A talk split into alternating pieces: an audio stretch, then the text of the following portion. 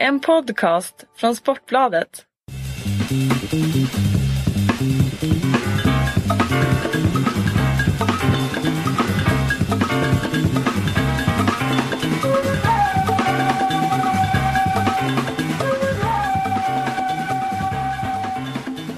Jag, jag ler nästan lite själv för vi började med så här fel plats och fel dag. Ja, vi, vi hade lite grann, du och jag Karin, nu onekligen inte gått om varandra i agendan men vi lyckades ändå hitta varandra på stationen i Falun. Tack för att du hämtade upp mig. Ja, det var så lite.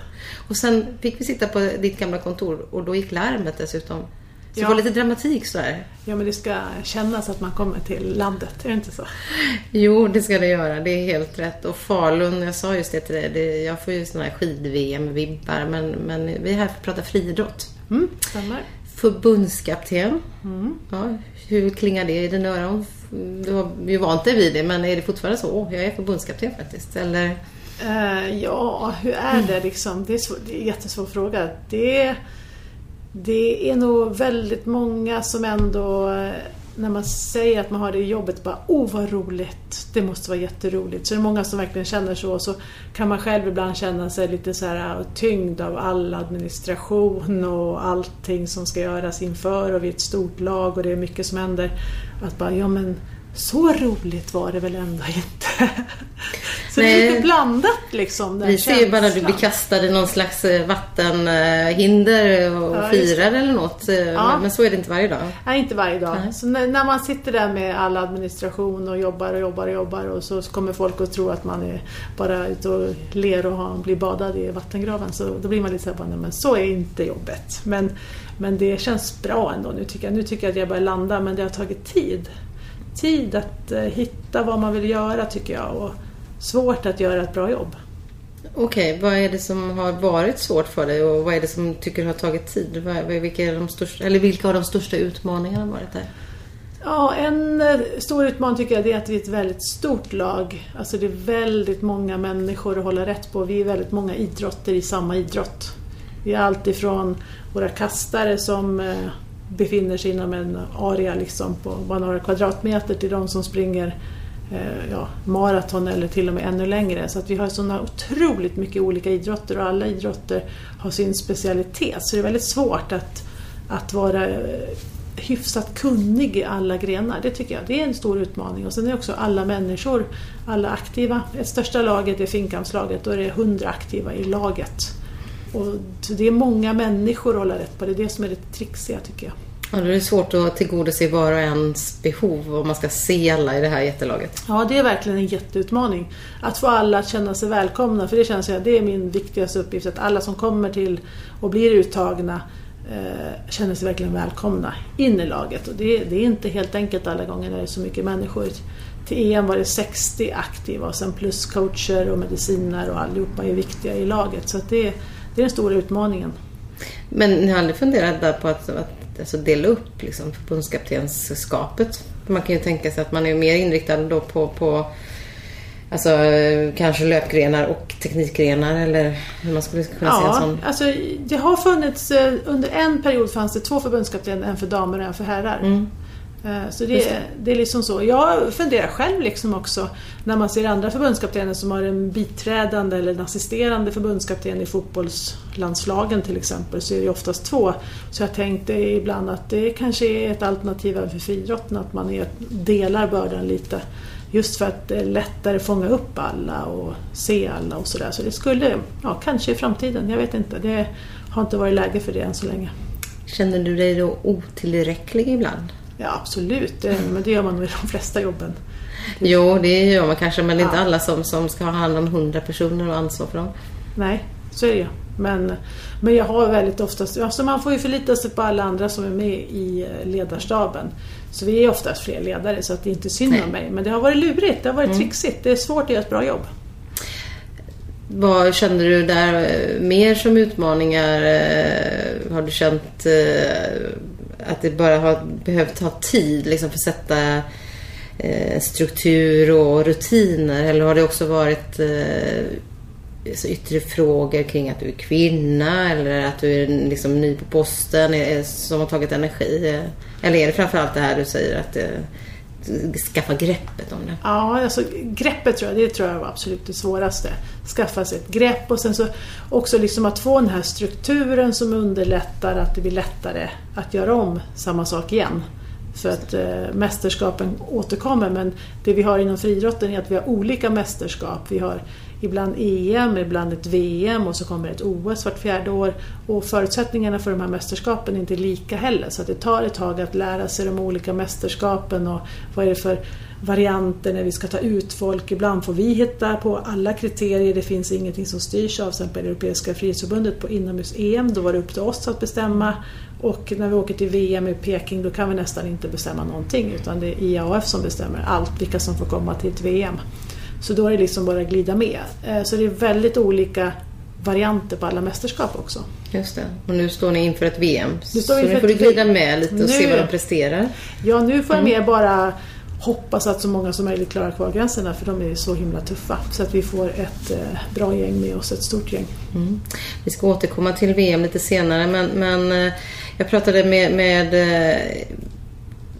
Friidrottsförbundets ordförande numera då sedan, sedan för två dagar tillbaks, eh, Riksidrottsförbundets ordförande Björn Eriksson häromdagen. Och då tog han upp det att, att eh, inom friidrott det finns ett stigande antal kvinnliga ledare. Eh, att det är på väg upp där, att, att det var en positiv effekt och han hoppas att få se den på, inom andra idrotter. Är det en Karin-effekt? Jag tror inte det blir så stor effekt så snabbt. Det tar ganska lång tid att komma in i friidrotten som ledare. Eh, för oftast måste man liksom, man börjar ju ofta som tränare i en klubb och så när man får tillräckligt bra aktiva så kanske vi från förbundet får upp ögonen för den personen. Eh, och sen så börjar man liksom vara med kanske på olika sätt. Men det tar tid att träna upp och få de här duktiga aktiva. Det är oftast ifrån dem vi väljer sen. Så att eh, det tar många år för alla att komma upp och liksom börja jobba med landslagsaktiva. Men han lyfte friidrotten som ett, ett, ett bra exempel. Där. Finns, tycker du att ni är det? Finns det liksom många bra kvinnliga ledare eller saknas det kvinnliga ledare? Alltså jag, jag tycker att vi har många bra kvinnliga ledare fast inte bland de, de, senioraktiva. Där finns det inte många kvinnliga ledare. Vi skulle kunna bli mycket fler där tycker jag. Vad är det som eh, krävs där för att de ska kunna ta nästa kliv? Jättebra fråga. Det är väldigt svårt liksom. Eh, Det är, om jag tittar på i den truppen jag har tagit ut bland våra tränare så är det en kvinnlig ledare tror jag under senaste året. Eller så är det, nej två är det nog till och med. Det är två. Eh, Och det är inte mycket av kanske totalt 40 Nej. uttagningar. Får du Så- godkänt där eller? Nej, absolut inte. Men är, jag har inte haft så många fler att välja på. Så att det är inte så att jag har tagit bort några kvinnor utan jag har liksom försökt att jobba med de aktivas coacher som vi har. Och det är de jag har jobbat med som grupp. Men om vi kollar på lite lägre ner, på juniorlandslagen och sånt. Där finns det mer kvinnliga tränare som kommer mer och mer. Och på våra, där det finns anställningar idag för eh, friidrottsgymnasiets tränare, där börjar också bli fler kvinnor. Så att det händer lite sakta hela tiden. Men det, ja, jag kan inte säga att vi är bra på det men vi kanske är bättre än vissa andra som är ännu sämre.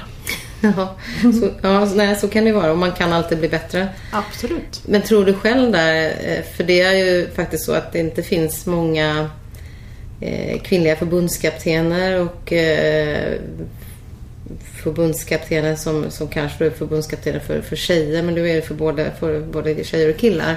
Eh, jag tror det är många kvinnor som ryggar för det ansvaret som du tar på dig. Ja, alltså om man inte ryggar för det ansvaret då tror jag man är lite galen. Så är det. Det gjorde jag också liksom, och det tror jag även män gör för det är ett stort ansvar att få.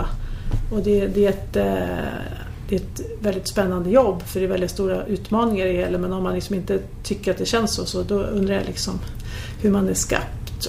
Jag är nog skapt så att jag är lite mer nervös av mig så. Funderade ett bra tag innan jag kände att det var rätt liksom. Men eh, ja, men jag tror att alla ryggar lite innan man bestämmer sig. Jag tror inte det är typiskt kvinnligt utan det är mänskligt. Mm. Har du själv känt någon gång att du, du har eh, att det har blåst för hårt? Liksom, där det är inte för hårt för då hade du kanske inte varit kvar. Men, men att det har blåst så hårt att du har liksom funderat på, på, på, på hur mycket det är värt. Nej, det har, det har inte... Det beror på vad du menar med blåst. Om det har varit Jag liksom... tänker kanske yttre kritik från, från aktiva eller från eh, media. Nej, alltså jag tycker att faktiskt de allra flesta har varit väldigt snälla mot mig hela vägen. Jag har inte haft det speciellt besvärligt på det sättet. Sen är det klart att det är någon som har blivit väldigt irriterad och arg på mig och talat om det. Så är det ju. Eh, Och det är väldigt svårt att göra allting rätt eh, på alla plan alla gånger. Och ibland tycker man ju dessutom olika.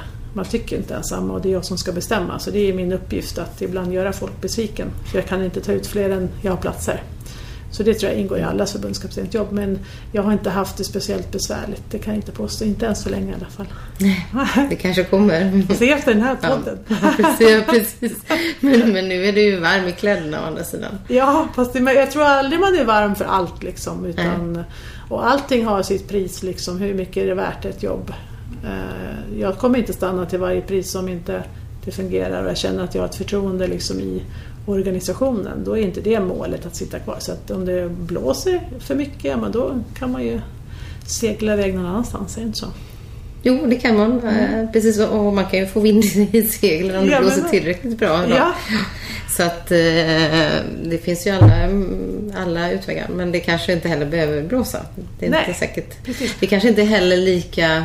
Jag tänker eh, om man tänkte på fotbollslandslaget och Erik Hamrén Mm. så kanske det är mycket, mycket mer, förmodligen mycket mer diskussioner och Mm. supportrar och folk som tycker om uttagningarna eh, av naturliga skäl. Absolut.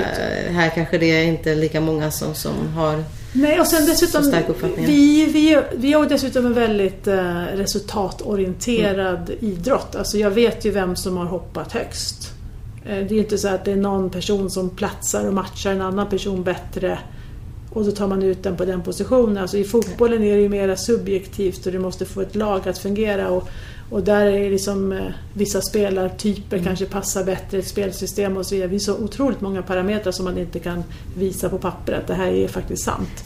Medan vi har ju en väldigt exakt idrott. Jag vet ju oftast exakt vem som har hoppat vad och hur långt. Och, och sen kan det vara så här när det blir väldigt jämnt. Jag sitter precis nu med ett dilemma, fyra maratontjejer, jag ska plocka ut två av dem. Och alla har sina för och nackdelar och ingen sticker ut extremt mycket åt något håll. Då blir det lite trixigt. Då blir det jag som måste avgöra på något vis. Så det ska jag försöka bestämma imorgon tänkte jag. Eh, apropå fotboll som vi var inne här på. Pia Sundhage är också en kvinnlig förbundskapten. Har, Mm. har ni något utbyte? Nätverkar ni på något sätt? Ja, genom SOK så får, får vi träffas ibland. Där vi, alltså då är det alla förbundskaptener som träffas tillsammans och så har vi vissa träffar mot Rio. Då. Så då har hon varit med på samma träffar. Har ni något utbyte av varandra hittills? Ja, men alltså det är alltid bra att prata med varandra lite grann sådär. Och vi har inte pratat så här jättemycket på tu man hand, men vi har suttit med i samma grupp någon gång sådär och pratat. Det är alltid intressant att höra hur andra tänker. Mm. Finns det någon annan där som du, som du har och liksom bollar med och lutar emot från någon annan idrott? Ja, Ulrika Sandmark lite mer då. Mm. Mm, från simningen. Hon och jag bollar en del för att hon sitter ju också på samma huvudkontor som mig. I, på Heliosgatan. Så, och vi har idrott som ändå påminner mer om varandra. Simning och det är individuell idrott. Och, Och också väldigt resultatbaserat. ja, precis. Så är det. VM då? Eh, för nu får maratontjejerna sina besked men, men eh, truppen eh, pusslas ihop lite längre fram. Men vilka förväntningar har du här och nu ett par månader före? Är i juni så det är ett par månader före augusti Ja. det. Det jag hoppas och tror på det är att det ska bli ungefär 20 stycken i truppen. Mm. Eh, Så, att det, så att det är så många som kommer klara kvalgränserna. Just nu är det sex som är uttagna och så kommer jag plocka på allt eftersom då, som man klarar kvalgränserna. För jag tror att det är bra att bli uttagen ganska tidigt till mästerskapet så att man kan lägga allt fokus på sin planering så att man inte håller på och jagar en kvalgräns hela sommaren och så kommer man till ett VM sen och ganska trött och dränerad på energi utan om man är klar liksom, då ska man bli uttagen. För att kvalgränsen är satt så att om man gör den en gång till så är man i princip vidare till nästa omgång. Om det är semifinal eller final då, beroende på vilken gräns. Så att det, är, det, är, det är bra kvalgränser så det är bara hoppas att många klarar dem. Så egentligen tror du det är många som har lagt formkurv, alltså en liten formtopp tidigt för att lösa det. För att sen ha den här liksom, tryggheten att falla tillbaka på eller lugnet att falla tillbaka på. Ja, jag hoppas det. Absolut. Och sen är det några som har haft små skadeproblem. Då kanske de kvalar lite senare. Och sådär. Vi får se lite grann var det landar. Men jag hoppas att det är många som är, ja, visar att, de har, att det har fungerat bra liksom, i vinter och tränat fint. Det måste vara spännande det där för jag tänker om, eh, och det är väl samma i och för sig om man är förbundskapten oavsett om man är i handboll eller fotboll eller, eller basket eller simning så, så, så måste man ändå gå och vänta lite efter den här som innesäsongen då och sen kommer träningsperiod igen. Ja. Går du inte och klurar på vad alla gör hemma på kammaren liksom? Jo, så försöker man väl ha lite kontakt med så här, men det, det, i och med att det är väldigt många människor så har man väldigt svårt att hinna med och, och träffa alla och sådär. Det skulle jag gärna vilja göra men det, tiden Så i räcker inte. klubbmiljö så? i- Ja. Ja, att åka hem och se deras, i deras egen miljö, det är absolut det bästa egentligen. Men eh, det är lite så här väntanstider nu man går liksom där bara, "Åh, när börjar den och vad ska den göra? Och sen kommer alltid någon som man inte ens har tänkt på. Oj, oj, oj, där kom Simon Litzell och kastade fantastiskt långt i spjut, vad roligt. Och så kommer en ny person som man inte ens haft kontakt med förut. Och sånt händer ju inom friidrotten och det händer ju inte alltid i alla andra idrotter. Så när jag pratar med de andra förbundskaptenerna så känns det helt overkligt för dem att det skulle komma någon som skulle kunna aspirera till OS som inte de vet om redan nu. Men i friidrotten så gör det sådana jättekliv ibland så det bara whoops så är du med och har tagit det här trappsteget upp då. När det kommer sånt kast då som Simon gjorde, vilka känslor, är- hur bubblar det inom dig då? Ja, det är roligt liksom. Det är jättekul. Det är det som är så himla spännande när säsongen börjar. Man vet inte vilka som kommer och bubblar som du säger. Bubblare. Den bubblare som bubblar upp, nej Ja. precis. Men blir det, är- det en sån här gl- glädje som du får mer också för, för personernas skull? Eller? Ja, men det är det. Ja. Man känner ju för de idrottarna liksom, när de får lyckas och så. Och sen så är det kul och spännande. Då får man lära sig känna en ny person. För Simon är ingen jag har haft kontakt med förut. Har du hunnit träffa honom nu? Nej, jag har inte gjort det. Nej. Nej så det Så du är lite kvar. nyfiken fortfarande? Ja, absolut. Ehm, och det laget, om man, om man tittar på som du tog över så beskriver man ju det som att, att de var inne i en generationsväxling. Eh, Starka profiler med, med Kajsa och Carro och Stefan Holm och Christian Olsson och flera som, som, som försvann, eller försvann. gjorde de ju inte, de finns ju kvar. Men, Ja. men som slutade. Eh, vad skulle du beskriva att eh, det här laget befinner sig just nu? Är det fortfarande generationsväxling? Och... Alltså, I och med att vi har, Den- vi har så kan- stort Ja, lag det förstår så kommer vi alltid ha lite generationsväxling lite här och där. Och sen när, man, när det är så starka profiler som de här som du nämner slutar så blir det alltid tomrum. Eh, och så tror jag också man ifrån media förstärker det tomrummet väldigt mycket med att man hela tiden påminner om hur bra de var och vad de gjorde och sådär. Och då är det lätt att man missar dem som väldigt bra idag. Mm, ja, det är klart. Men vi Ja. var ju satt där i Aten Ja. och det bara haglar medaljer. Det är klart att Ja. vi tänker på det. Ja, och det är liksom, den bilden finns kvar och då blir det nästan lite så här, det är tufft för dem idag som finns att liksom nå ut i, i bruset då. Och vi har ändå Michelle som ändå eh, vann eh, inomhus-EM nu på ett fantastiskt resultat. Det är verkligen helt galet bra och vi har även fler medaljer och vi har Abeba och vi har Meraf och vi har många duktiga liksom, i vårt lag. Är det lite orättvist mot dem att, vi, att, att hela tiden liksom slåss mot, om man säger så, mot de, den, de här starka stjärnorna som, som Ja, alltså innan? man slåss på något vis mot hela deras facit. Eh, Man slåss inte bara mot att de tog en medalj på ett mästerskap utan man slåss mot all, hela deras karriär slåss man mot när man kommer in lite grann som ny. Och så, jag brukar säga det, man kommer in i landslaget och så jämförs man direkt med Carolina Klüft. Det är ungefär som alla reportrar skulle ja, jämföras med världsreporten number one i världen eller så fort man blir vald till statsminister så blir man jämförd med Nelson Mandela. Alltså Carolina Klüft är helt unik. Vi kommer aldrig få en ny Carolina Klüft men vi kommer få andra helt fantastiska friidrottare, det är jag helt säker på. Men man ska aldrig jämföra liksom med henne för att hon är så unik. Det är hon och Bubka i princip i världen som alla vet vilka det är. Så att det är så otroligt tufft att komma in i ett landslag och bli jämförd med henne på en gång för att förväntningarna blir ju enorma och det tror jag kan faktiskt vara jobbigt för en del. Hemmautveckling kanske? Ja men faktiskt, det är väldigt svårt att bli nöjd då liksom om man, om man målas upp som en ny Carolina Klüft för det är liksom, hon tog åtta raka guld. Det finns ingen annan som har gjort det. Nej.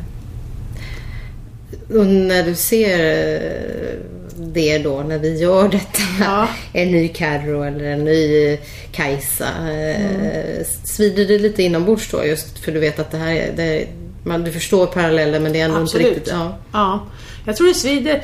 Det svider vet jag inte om det gör, men, men jag känner att det är en ganska orättvist välkomnande till våra nya idrottsstjärnor som kommer in. Att man får en förväntning om att man ska bli en ny Carolina Klüft. Det är liksom inte, det är inte riktigt fair mot den personen. För att eh, vi kan jämföra med de, alla de andra så hade de en karriär när de slog igenom lite senare. Carolina slog igenom så tidigt också. Hon var så ung och började ta medaljer. Medan om du tittar på sån som Kajsa som ändå var stor, hon, han, han blir ganska många år innan hon börjar ta sina medaljer. Och då får man ett mer lugn i sin karriär om man blir jämförd med någon som kanske började lite senare att plocka de här medaljerna. Som gärna media vill se alla medaljer. Men det är inte bara media, det är svenska folket vill se dem. Ja, ja, liksom, ja. Alla älskar ju OS-medaljer, eller hur? Så är det. Så vi Eh, hoppas ju att ni tar jättemånga nästa Ja, men det år. hoppas vi med, absolut. Men man behöver inte börja som 18-åring och plocka guldmedaljer för att det ska vara någon chans. Utan Nej. man kan göra andra varianter också. Jag tycker man En- kan se det ibland. att En sån som Erika Jarde tycker jag är ett gott föredöme. Slår igenom väldigt Mm. sent i sin karriär om man jämför med det man tror Mm. att man ska slå igenom när man är 17-18. Liksom. Så att det finns så många vägar att göra en karriär på. Jag tänker där på Irina Eklund som, som eh, slog i, har slagit igenom tidigt. Mm. Eh, som man också tänkt tanken att oj, undrar hur hon ska hantera det här. Vad, Mm. Hur har hon tagit det hittills tycker du? Jag tycker hon har tagit det otroligt bra. Hon är ganska cool och liksom känns eh, väldigt trygg i sin, eh, i sin satsning idag. Liksom. Så det har funkat otroligt bra. För det, är- ju också en risk att... att eh, Ja, hon har också blivit jämförd direkt med Mm. mm. en ny Carolina Klüft. Och det är bara hon som sätter gränsen för vad, hur bra hon kan bli och så vidare. Och, så vidare. och, det, och det, det, det vi alla vet egentligen, även eh, alla som skriver i tidningarna, det är att man vet inte sin karriär förrän man gått igenom hela puberteten. Mm. Och när man slår igenom så otroligt tidigt som hon gör så har hon några tunga år framför sig. Jag tränade ju Jenny och Sanna Kalle när de var unga och de hade också några tunga år där på, på gymnasiet. Liksom, att det, man går inte framåt då, utan det blir oftast ett stopp, ett bräck och ibland går man tillbaka lite under en period innan man sen kommer ur och, och liksom är färdig i sin pubertet. Och som tjej är det väldigt lätt att vara 15-16 och du blir nästan inte ens trött när du springer. Och sen så kommer hela det här äh, puberteten och blommar ut liksom och då blir man plötsligt mycket tröttare och äh, det blir oftast lite tyngre i kroppen och så vidare. Och det är en sån, det måste alla gå igenom. Och då är det liksom, äh, det är tufft att ta sig igenom den men Irene har gjort det otroligt bra. Hon tränar på väldigt bra och, så, och har liksom en, ja, en grundtrygghet känner jag. Är det skillnad mellan killar och tjejer? Just, just att hantera den, eh, liksom, utvecklingen, den, den fysiska utvecklingen under pu- puberteten? Ja, det är en jättestor skillnad. Alltså, som kille kan du ju bara gå hem och sätta dig i soffan och äta lite gröt så får du testosteronboom och så Mm. blir du bättre. Men som tjej om du går hem och bara sätter dig i soffan så, ja, så blir du kvinna och det gynnar inte idrotten alla gånger. Och, och man vet inte ens hur man tar sig igenom puberteten som kvinna. Och eh, killarna får ett stopp sen när de blir lite äldre, vid 20 där brukar det gå lite trögare för dem. Så de får också ett stopp efter att de har fått den här boosten, men de blir boostade genom sin... Och sen är det faktiskt så att det finns nästan inte en enda kille som slår igenom när de är 15-16. För du har ju inte det, du är ju inte man då, vilket är, du har nytta av inom idrotten. Men som kvinnor är ju, har du nytta av att inte vara färdig kvinna. Så Nej, därför får du lättare. aldrig de här killarna som slår igenom så extremt tidigt och får det, den kraven på sig som vi får på tjejerna. Just det. Det är intressant det där. Och sen finns det också väldigt lite, vet jag, jag pratade med Maria Rydqvist, skidåkaren, om att det finns så lite forskning på kvinnor, hur man påverkas eh, av hormoner och Mm. menstruation och liksom, eh, he, hela liksom, utvecklingen där. Att det finns väldigt lite, lite forskning och kanske hjälp också för Ja. hur man ska Ja, för, för, hantera det. För jag jobbade med innebandyn förut här i Falun Mm. i många år eh, som fystränare. Eh, Fem år för damerna och fyra för herrarna. Och eh, då blev jag väldigt frustrerad över det här med att eh, många damer drar i korsbanden.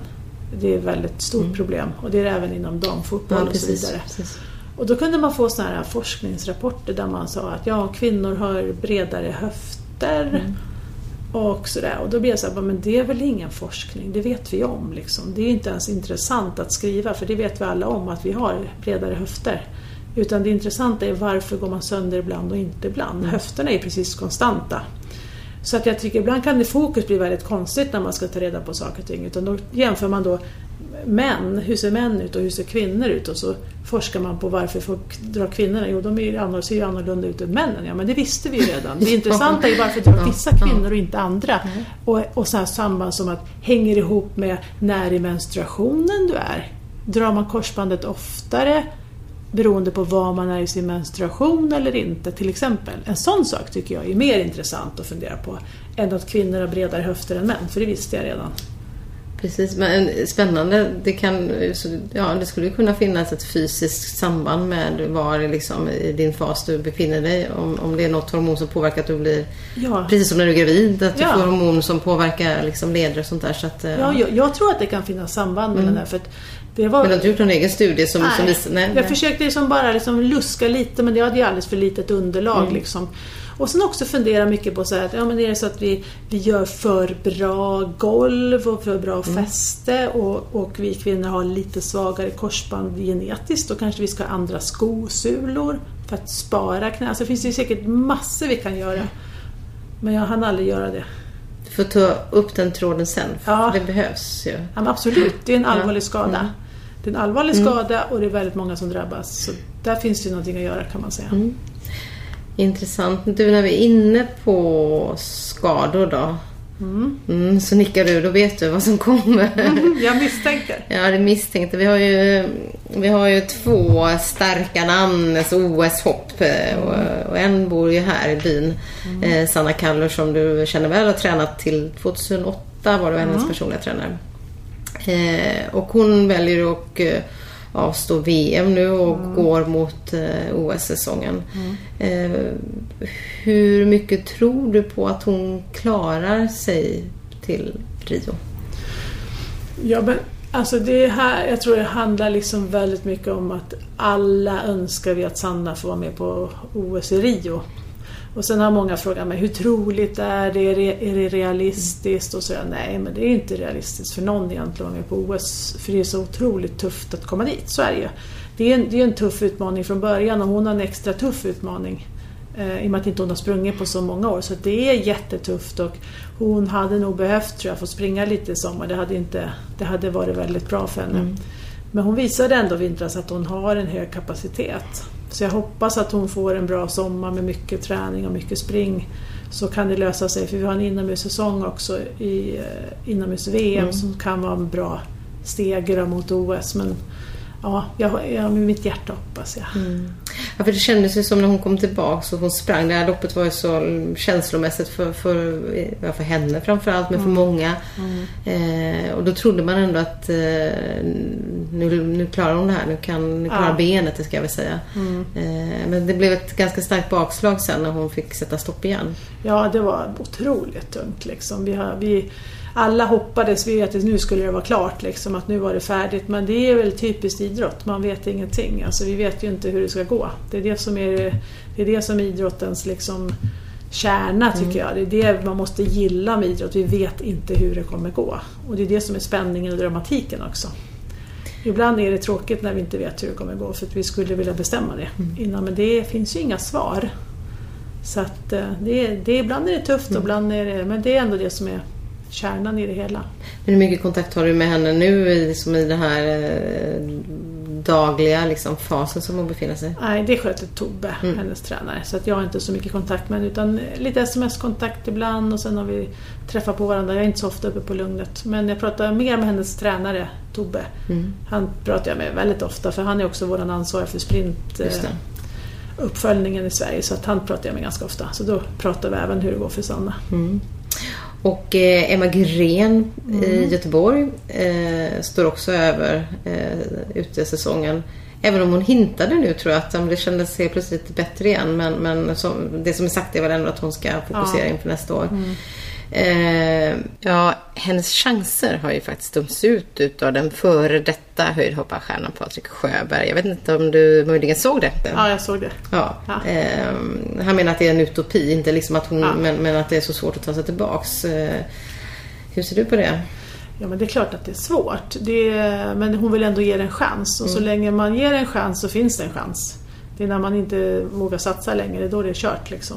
Så jag, jag, vad kan jag göra? Jag kan bara mest eh, hålla tummen för henne också, precis som för Sanna och hoppas att det går vägen. Och, och om vi säger att om vi har tio sådana så är det kanske en av dem som lyckas eh, och då får jag hoppas att det i det här fallet är två då, att det är bägge två som lyckas. Men det, är- det är tufft och det är de medvetna om själva också. Det förstår de. Och det är därför de gör allt de kan för att göra det så klokt som möjligt. Och därför ställer de in den här säsongen för att de vill inte riskera något. För de skulle kanske säkert kunna pressa fram lite resultat i sommar genom att eh, låta smärtan liksom strunta i den. Men nu vill de inte göra det, utan nu vill de ge OS chansen. Och då gör de det på det här sättet. Mm. Så det är, det är kloka beslut och om det går, det vet vi inte förrän i nästa sommar. Men det är klart det är tufft, det är det. Och nästa vinter måste ju ändå kvala va? Eller de måste ju ändå liksom visa att de Ja. är, eh, får sin plats. Det är ju SOK Ja. involverade i det givetvis. Absolut, och det kommer att vara tuffa gränser. Mm. Det är alltid till eh, OS och eh, Emma hon måste kvala antingen inomhus eller utomhus blir det för henne då. Mm. Som hon har på sig. Och Sanna hon kommer ju bara få sommaren på sig att kvala i och med att 100 meter finns ju inte inomhus. Ja, just det. Så, Så hon kommer bara ha Ja, den lilla korta... ha lilla korta tiden på sommaren så det är, det är jättetufft. Ja. ja, det är en kort period. Det är inte många tävlingar där som hinns Nej. med nästan. Sen kan man sig börja lite tidigare. Man kan börja redan i maj och tävla Mm. om man vill. Liksom. Så det går ju att styra liksom, formtoppningen och sådär. Men det, det är klart en nackdel för hon kan bara springa 60 meter Mm. häck inomhus. Men sen säger ju Patrik också att kvinnliga höjdhoppare inte vågar ta i tillräckligt hårt Ja. eh, och att de inte är tillräckligt tuffa. Ja, det är intressant. Ja. Va? Känner han alla kvinnliga höjdhoppare? Ja, kanske. Han har i alla fall en uppfattning om den. Men, Ja. men är då svenska Emma och svenska tjejer, är inte de tillräckligt tuffa? Jo, om man, hade, om man har sett Emma hoppa inomhus-VM i eh, Sopot. Med den smärtan hon hade att hoppa så är det någonting som hon har gjort så är det hoppa med smärta. Så det, det vet jag inte ens var han fick ifrån. Och tro att liksom att eh, höjdhoppsdamerna skulle vara sämre än några andra att eh, plåga sig, det tror jag inte mycket på.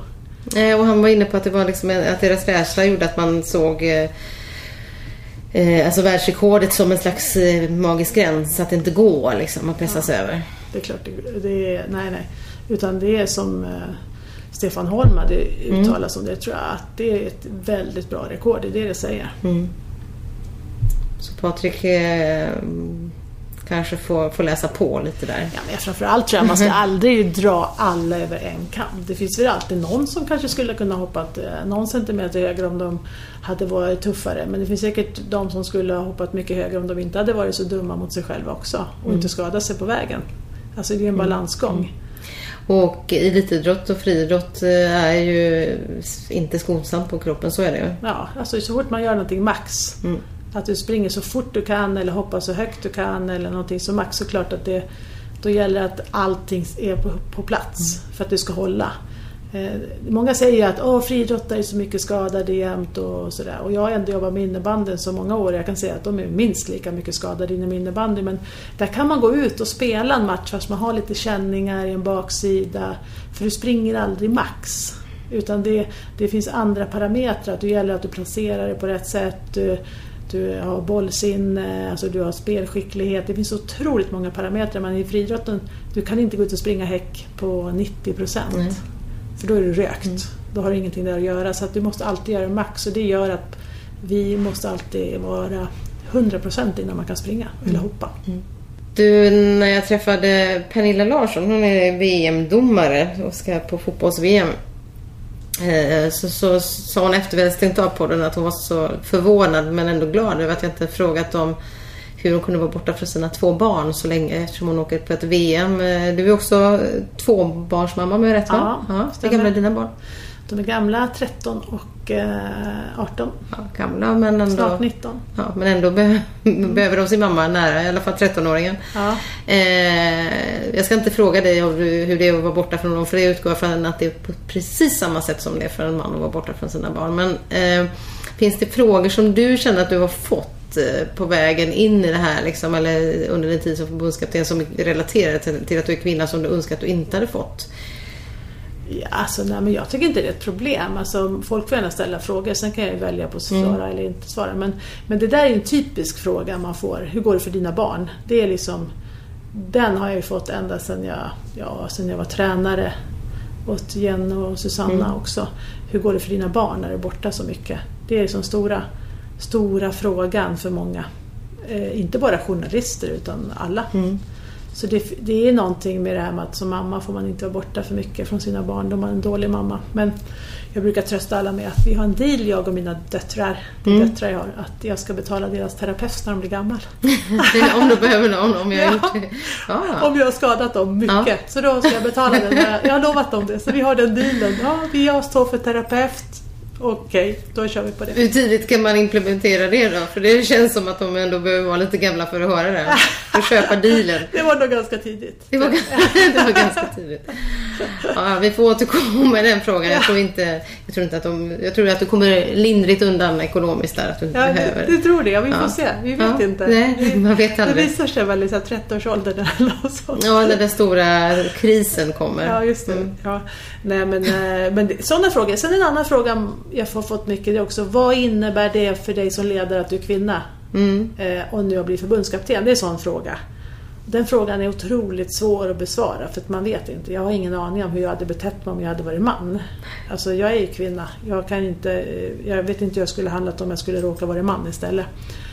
Och den, det är en svår fråga och den, den har jag fått ganska mycket tills jag började ställa en motfråga till många reportrar. Som, det var mest reportrar som ställde den. Och då är min fråga så här bara, ja den största skillnaden är ju att jag får den frågan. Men mina manliga kollegor har aldrig fått den frågan. Alltså en man behöver ju aldrig fundera på varför hanterar du eller varför, varför gör du på si eller så och hade gjort annorlunda om du var en man. Alltså det behöver aldrig en man fundera på. Men jag fick fundera på det otroligt mycket när jag fick det här jobbet. Eh, och till sist så kände jag bara, men största skillnaden är att jag får hela tiden den frågan och att jag måste alltid fundera över vad, vad, varför jag gör som jag gör. Om det beror på att jag är kvinna eller om det beror på att jag är allmänt lite så. Ja, eller för att det beror på att du är Karin. Ja, precis. Ja, så kan det också vara. Att, Ja, att det är en personlig koppling. Ja. Men det är intressant för då kanske, jag ska, det kanske man ska börja ställa den frågan till. Du, Erik Hamrén, hur hade du gjort om du varit kvinna i det här Ja, läget? Alltså det är en otroligt spännande fråga Ja. om man börjar ställa den även till män. Ja. För då- fick de också börja reflektera över varför gör jag så här? Är det för att jag är Mm. man eller är det för att jag är Erik? ja, just det. Men han behöver aldrig fundera på det, varför Mm. han gör som han gör. Liksom. Inte från det perspektivet. Nej, inte från det perspektivet. Och jag tror, att, jag tror inte det är inte farligt att jag får den frågan för då får man ju fundera lite. Mm. Varför gör jag så här? Och, mm, men det, det vore ju bra om alla fick samma fundering ibland. Det hade varit jämlikt. Ja, det hade, och spännande. Ja. Spännande att höra. Ja. Stefan Olsson som var min företrädare. Varför gjorde han som han gjorde? Var det för att han var man eller för att han var Stefan? Ja, Mm. Jag tror inte han kan svara på den. Nej. För det är jättesvårt att svara på.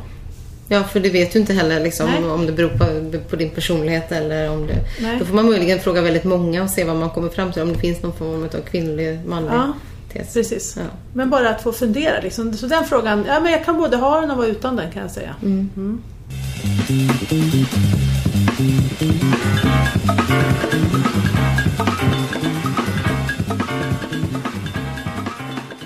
Om vi switchar lite ämne och går över till eh, lite tyngre ämnen. Eh, jag har skrivit dopning och vikthets. Det låter ju som två ganska destruktiva ämnen. Ja, men som definitivt. finns där. Eh, om vi börjar med dopingen så, så har vi Andreas Gustafsson eh, som åkte dit. Niklas Lindstedt som hade fått i sig kosttillskott eh, men blev avstängd fr- från det. Och det finns internationella dopningfall. Alltså hur Botox Cosmetic, botulinum toxin A, FDA approved for over 20 years. So, talk to your specialist to see if Botox Cosmetic is right for you. For full prescribing information, including boxed warning, visit BotoxCosmetic.com or call 877-351-0300. Remember to ask for Botox Cosmetic by name. To see for yourself and learn more, visit BotoxCosmetic.com. That's BotoxCosmetic.com. utbredd skulle du säga att du uppfattar att dopningen är i, i Sverige och utomlands? Och det där är en jättesvår fråga. Alltså, hade du ställt den här frågan till mig för ett år sedan så hade jag sagt att nej, men vi har ingen doping i Sverige. För jag är så säker på att alla våra atleter är så rena som de kan vara. Och sen har vi fått de här fallen som du sa eh, med misstagsdopning eh, på Niklas och Andreas. Andreas tillhör egentligen Gångarförbundet. Han är inte med i friidrotten på det sättet. Men han är med oss på mästerskap så vi känner igen honom mycket väl. Så att då, blir jag, då blir jag väldigt förskräckt och jag är säkert jättenaiv och eh, har inte förstått det här ordentligt. Och jag har liksom pratat väldigt mycket nu med våra aktiva, vi har ett aktivas råd där jag har sagt att eh, nu måste vi liksom på, alltså vi som är ledare också förstår vad det är som händer liksom.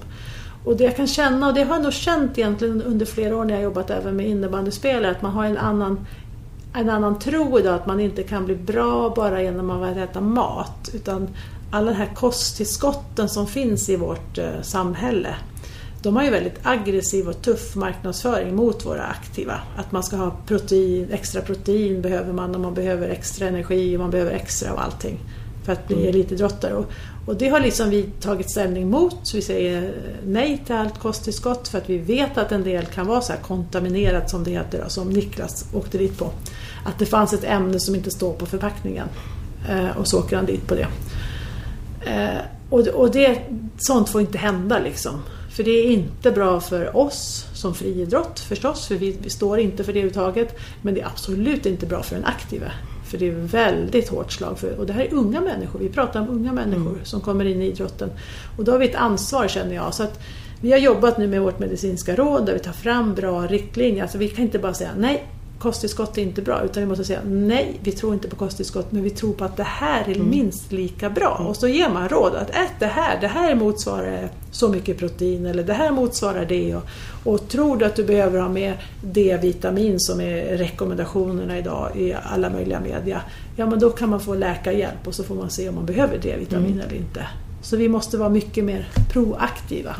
Mm känner jag. Men det har de här specifika fallen, kan man säga att de specifika fallen har lett till det här åtgärdsarbetet? Ja, ja. absolut. Alltså att vi måste tänka till. Vi har ju alltid jobbat liksom mot dopning mm. och vi, har, vi är en av de tror jag, som har flest som blir dopingkontrollerade inom vår elitidrott. Så vi namnger ju folk till RF som dopingtestar. Sen kan ju de dopingtesta utöver det. Så vi köper ju ganska mycket dopingtester och har gjort under många år. Men nu går vi in och köper ännu mer tester för att verkligen visa allvar.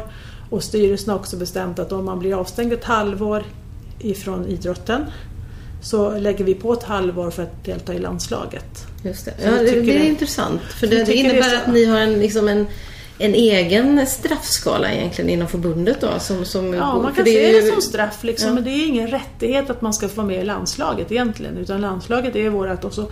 Och många upplever också om de har tävlat mot någon och den sen visar sig ha haft otillåtna medel i kroppen så är man ju i landslaget också väldigt irriterad för det förstör ju för väldigt många. Mm. Så vi vill ändå visa att vi menar allvar med det här.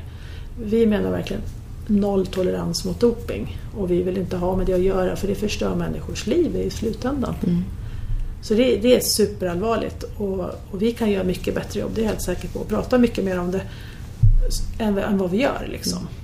Men har, har de återigen de specifika fallen lett till att du har fått en tankeställare som du sa att, att det kanske är mer utbrett, att det finns mörkertal som inte du hade liksom Ja, och liksom, det, har också, ja, men det har också gett mig liksom så här, vad, vad är mitt ansvar som förbundskapten liksom?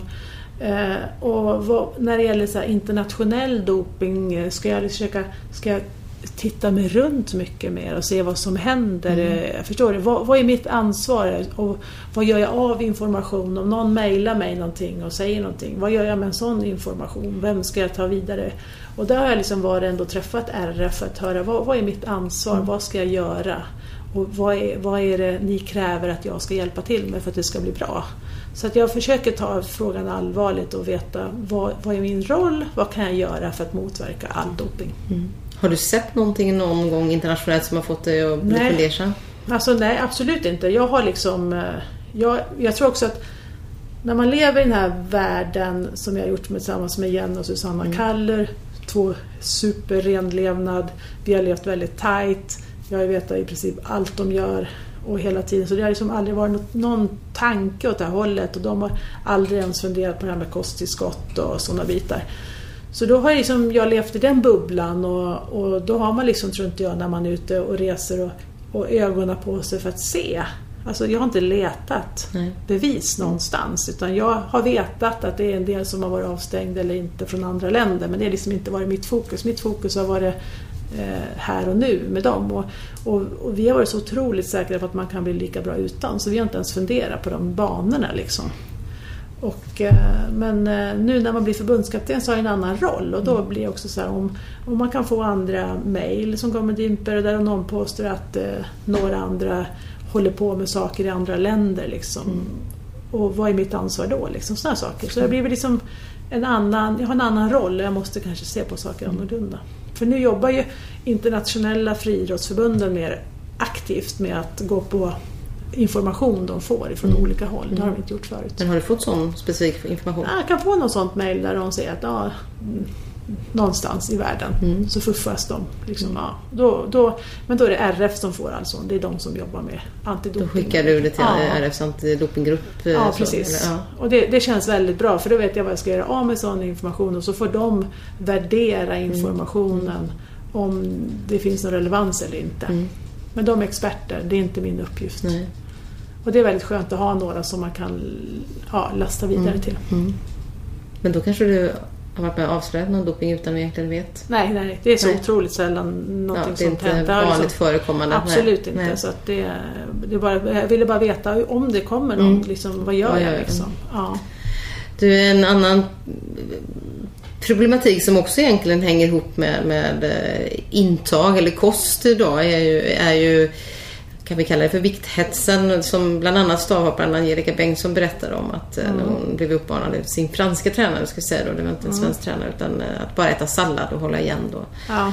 Eh, hon har väl i, det var väl i tidningen Expressen som hon har beskrivit det som energibrist snarare än ätstörning. Ja. Så, men, men det kan ju leda till eh, en påverkan liksom på, Mm. på längre sikt. Eh, har du talat med henne om, om det? Nej, inte om, Nej. Den, inte om den artikeln. har jag Nej, nej, men jag tänkte om det generella pro- Ja, problematiken. nej. nej. Alltså, jag har pratat med Angelica tidigare om att eh, man bör äta frukost. När vi var på... För då åt hon ingen frukost. Ja, då hade hon inte so- hade hon sovit så jag bjöd henne på en frukost vet jag i Moskva. Det är väl det jag gjort när det gäller henne och hennes matintag. Mm. Så, det är bra att äta frukost. Nu bjuder jag dig på en frukost där. Ja, men det är också Ja. viktigt, att, frukost är viktigt att få i Ja, sig. när det gäller henne, annars har jag inte pratat om det utan nej, jag tror hon har koll på läget. Men vi, vi har ju liksom eh, till vår hjälp dietister och man kan få hjälp och råd och sådär. Och, och jag kan säga att jag är, eh, jag är inte rädd men jag vill att vi ska verkligen vara försiktiga med alla kostråd ger också. Att vi inte ligger för nära optimal vikt liksom, som ofta blir eh, målet när man tar hjälp. Att man vill väga optimalt för att ibland kan optimalt vara kanske ökad risk för andra skador, stressfrakturer och sånt där. Så att eh, vi måste vara kloka när vi ger råd. Men vad jag förstår eh, så är det bättre att man får råd än att man ska ta hand om saker och ting själv. Så vi ska inte vara rädd för att ge råd. Och sen har vi också en policy om ätstörningar så att om vi ser någonting som vi funderar på då överlämnar vi det till läkare så får läkare avgöra om den personen är frisk att kunna delta. Men jag har faktiskt inte varit med om någon som jag behövt liksom fundera på det sättet utan det känns som att eh, är man med i landslaget så då lär man vara ganska frisk för att klara av att komma med. Ja, för det är så tuffa fysiska krav. Så att, Ja, eh, så att det funkar inte att ha någon ätstörning någon längre period. Utan, Det är väl om man ligger där på gränsen just i, inom de här konditionsidrotterna. Ja. Att det är lite, lite lättare, lite snabbare. Lite, Ja. liksom, Alltså att det, det- finns en, det finns ju en fas där som Ja. är rätt eh, lockande om man kommer in i den. Eh, Ja. Sen gäller det då att man inte fortsätter Man förbi. kan få en väldig boost av att man blir anorektisk Mm. i början som är livsfarlig. För den, sen tror man att den eh, är, samma lösning gäller sen när man kommer ur den där boosten, när man börjar må sämre och får sämre prestation. Då tror man att det är ännu mindre än man ska väga. Så det är det typiskt idrottsanorexin. Liksom. Mm. Jag hade faktiskt en aktiv en gång i tiden som fick anorexin. Jag var ung coach och det var, då läste jag på väldigt mycket om idrottsanorexi. Och, eh, mm, så det var en tuff period. Ja, det är svårt att hantera och veta vad man ska göra. Ska Ja. man sätta ner foten? Ska man inte? Otroligt svårt var det och så, men det löste sig bra. Mm. Men det var jättestressande som ung coach att få en som jag upptäckte hade anorexi. Sa du ifrån? Ja, alltså det gjorde jag Mm. absolut. Hon var inte så glad på mig. Nej, inte då. Nej, Men kanske sen. ja men nu är hon glad på mig. Mm. Jo, men jag tror det. Att det. Det brukar jag efterlysa att det är för få tränare som vågar säga ifrån. Mm. Alltså att, att det är obekvämt att göra det, men det är det som är rätt att göra just då. Absolut, och jag tog hjälp framför allt. Mm.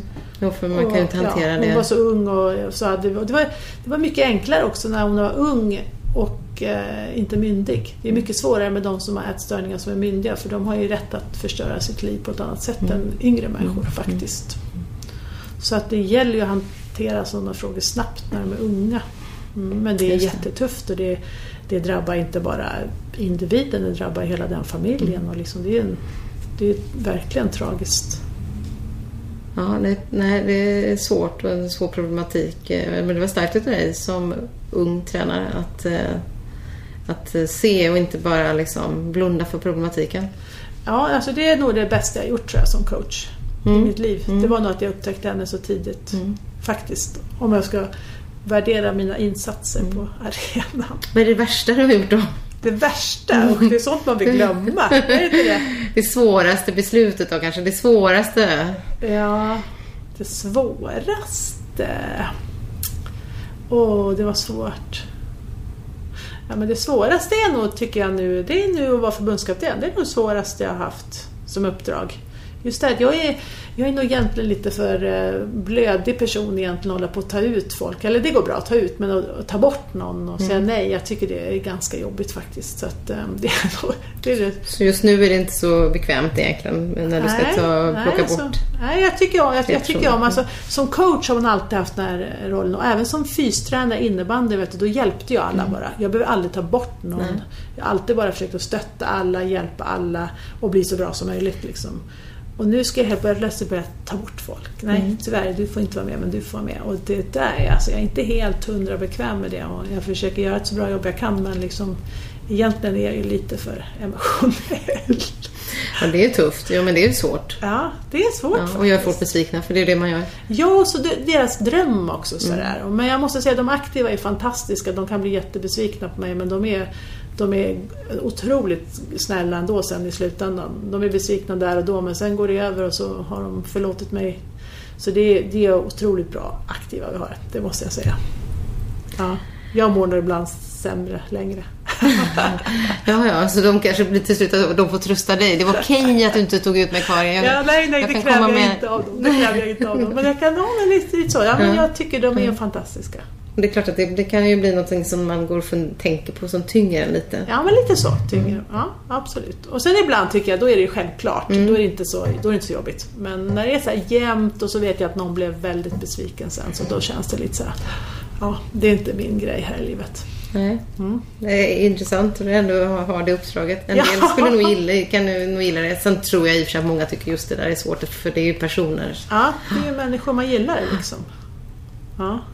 Du, eh, vi pratade, vi har pratat eh, några aktiva idrottare och eh, vi var inne på, på maraton och Isabella Andersson här i början här. Eh, Meraf Pata och Abeba Arga, vi är ju också två tjejer.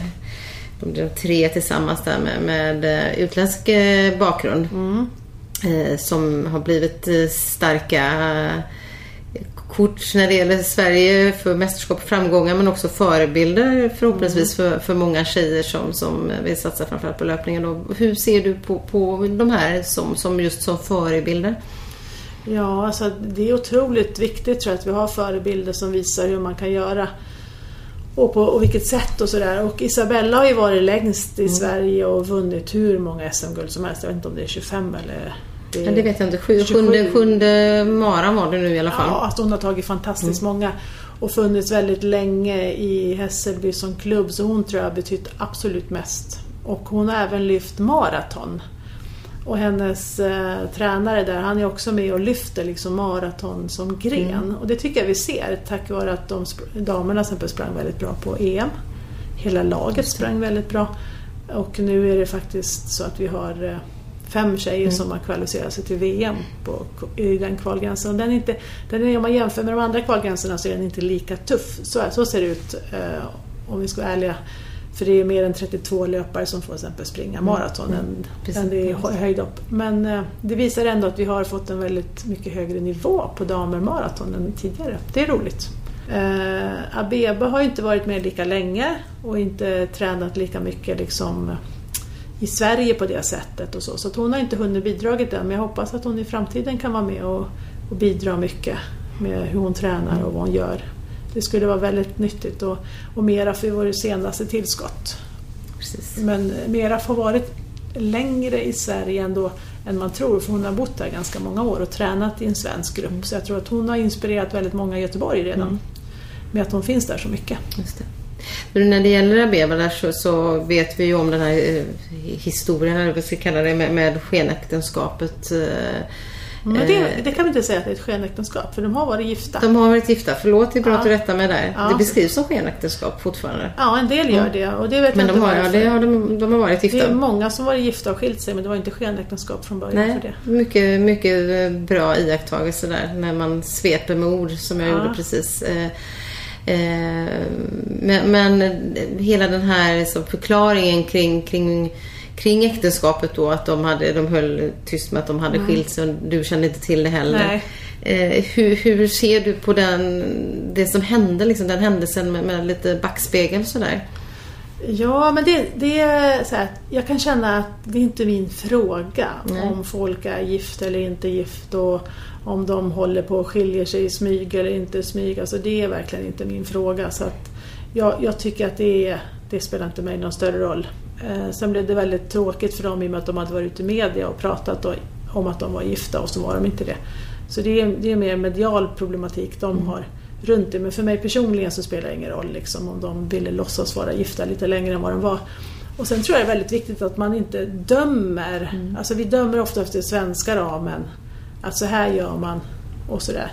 Men det ska vi komma ihåg att eh, Abeba kommer inte från Sverige. Hon har en annan kultur med sig. Och om hennes föräldrar och familj har ett annat sätt att se på saker och ting så är det klart att hon också har det.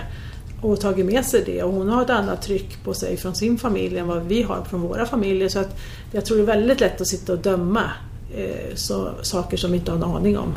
Så att det, det, är- nej, det är ingen fråga för mig. utan och det är inget egentligen som har påverkat, alltså du renodlar hur eh, utifrån ditt förbundskaptens Ja. perspektiv liksom. Ja, Eh, precis. Vad ska hon prestera och inte... Ja, alltså min uppgift är att ta ut ett bra lag Mm. eller de som har kvalificerat sig beroende på vad det är för tillfälle. Och då är det den idrottsliga prestationen och inte hur länge man har varit gift.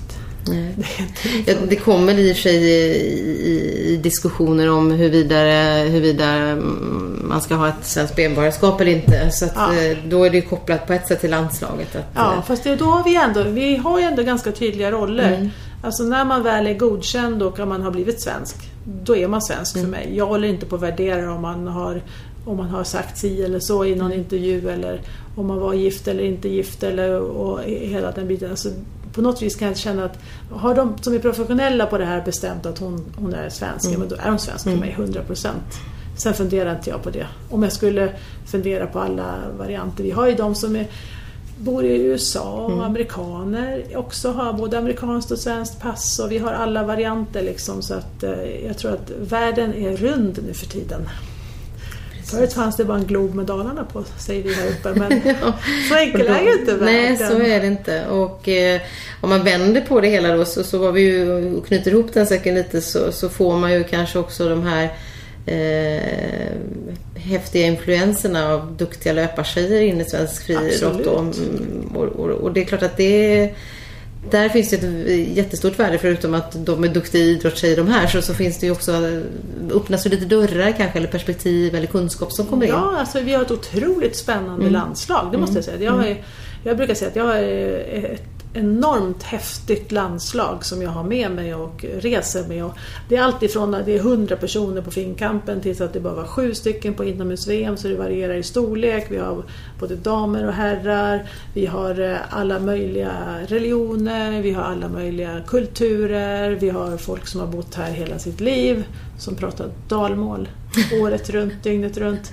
till de som knappt pratar svenska. Liksom, vi har hela kittet och det är fantastiskt spännande att ha den mixen av människor på samma ställe. Och alla har vi ändå en känsla av att vi är ett lag. Och att vi tillhör samma sak och vi, vi kämpar och fightas liksom tillsammans. Så det, det är verk- verkligen häftigt. Liksom. Och alla bidrar liksom med någonting. Det, är- det är faktiskt jättehäftigt. Och kan vi sedan lära oss saker av alla de här som kommer från andra länder. Eller våra svenskar som bor väldigt ofta utomlands. Angelica Bengtsson bor i Paris hela tiden. Kan hon ta hem kompetens och lära oss och få fler att hoppa högt i stad? Det är fantastiskt bra. Har VM i sommar och OS nästa år. Eh, har du någon, några resultatmål, några medaljvisioner i, i ditt huvud?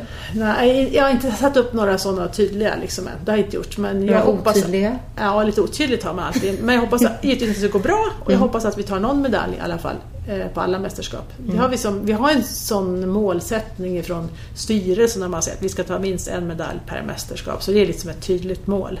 Men sen kan jag känna liksom inför mästerskapet beroende på sommaren igår, då kan man ju ha olika förväntningar på truppen. Att den här truppen, ja men jag tror vi har möjlighet att ta kanske tre eller vad man nu känner att vi har ändå så många så då, då får jag liksom fundera på det när vi närmar oss men eh, inte än har jag satt upp så tydliga mål.